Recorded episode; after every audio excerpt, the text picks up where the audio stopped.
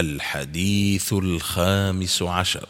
عن عبد الله بن عمر رضي الله عنهما قال قال رسول الله صلى الله عليه وسلم استمتعوا بهذا البيت فقد هدم مرتين ويرفع في الثالثة.